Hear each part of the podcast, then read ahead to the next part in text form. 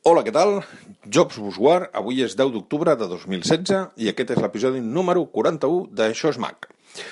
Habitualment, aquest és un podcast que surt de dia, avui ja són les 9 del vespre, aquells que, que aneu a dormir una miqueta més tard probablement el pugueu tenir avui i els que no ho tindreu demà.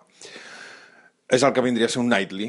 Mm, habitualment no puc dir que sigui un daily perquè per desgràcia meva no gravo tots els dies, m'agradaria gravar més sovint, eh, però mm, per aquelles coses doncs no, no, no m'acaba de sortir. Intento gravar tot el que puc. Doncs això, eh, que me'n vaig per on no toca. Eh, el tema d'avui volia gravar, parlar, perdoneu, és la tercera vegada que intento gravar, a veure si aquesta és la definitiva. Doncs el tema d'avui voldria parlar sobre Yahoo, que últimament està que se surt. I l'última notícia és que Yahoo està deshabilitant el reenviament automàtic dels correus electrònics. Sembla ser que a causa d'aquestes últimes pífies que està fent, doncs la gent està migrant. Per posar-vos en antecedents, suposo que ja ho sabreu la majoria, fa cosa d'un mes va sortir, va sortir eh, la notícia que eh, fa o sigui, fa un mes ens vam assabentar, però fa dos anys eh, es, les comptes, moltes comptes de, de Yahoo es van veure, es van veure hackejades eh, per, bueno, per un hacker, evidentment, o no un grup, vaja, i ens vam assabentar dos anys després. Ole per Yahoo. I fa cosa de de, també, un mes. Va, la, la notícia va saltar amb molt poqueta diferència, amb molt, molt poc de diferència, perdoneu. Eh, ens vam assabentar que Yahoo havia donat barra lliure perquè la NSA i, i l'FBI, em sembla que era, tingués accés a, als correus de tots els usuaris o clients de Yahoo. I això ha fet que molts usuaris hagin volgut migrar de Yahoo a altres serveis.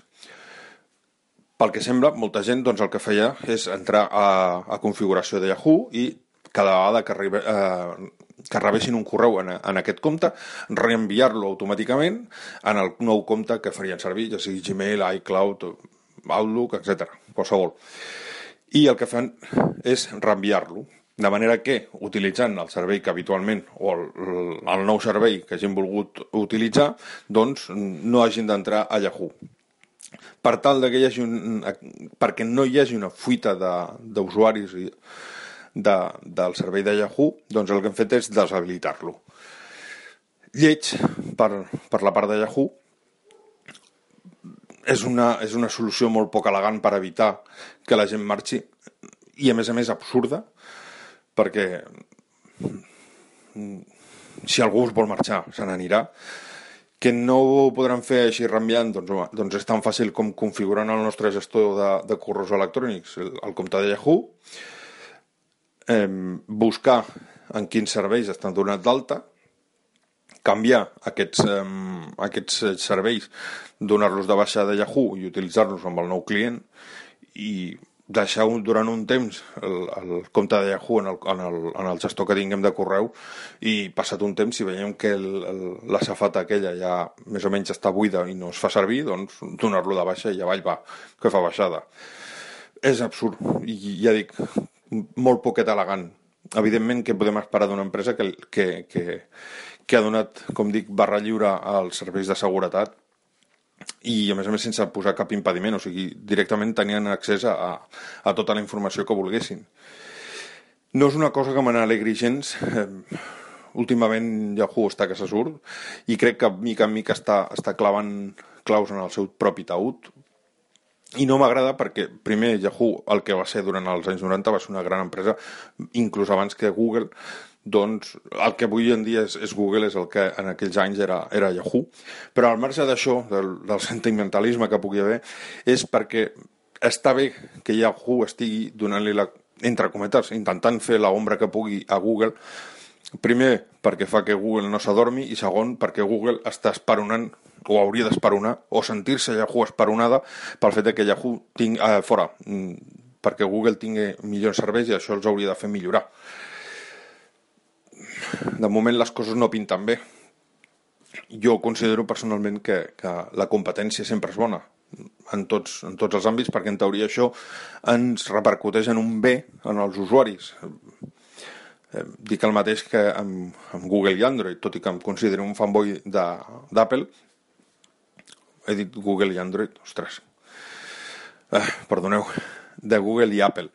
Doncs tot i que sigui un, un fanboy d'Apple, considero que, estigui Android és molt bo, perquè tot i que es vegi en un inici Android copies a, a Apple, en alguns aspectes i en algunes coses els ha arribat a, a millorar i en d'altres no. I això, alhora, ha fet que Apple havia de millorar els seus productes per no dormir-se en els deures. Ja dic, la competència sempre, sempre, sempre sol ser bona pel, pels usuaris, pels clients, a no ser com algunes vegades s'ha donat en alguns, en, en alguns serveis en el que les suposades companyies o empreses que havien de fer competència doncs es posen d'acord sota mà i, i llavors en aquest moment en, en el moment que passa això doncs evidentment els usuaris som els que sortim perjudicats. Sempre, sempre. Bueno, esperem que, que Yahoo pugui reaccionar i pugui com l'au fènix eh, ressorgir de les seves cendres perquè ens interessa, crec jo, a tots els usuaris, a tots els que fem servir els serveis d'internet, ja sigui de, de Google, de Yahoo o d'algun altre, eh, pugui ser Outlook, etc. No sé què en pensareu vosaltres, eh, res més, com sempre, a la vostra disposició, al correu electrònic a xosmac.gmail.com o arroba aixosmac al Twitter. Res més i fins al proper episodi. Adeu.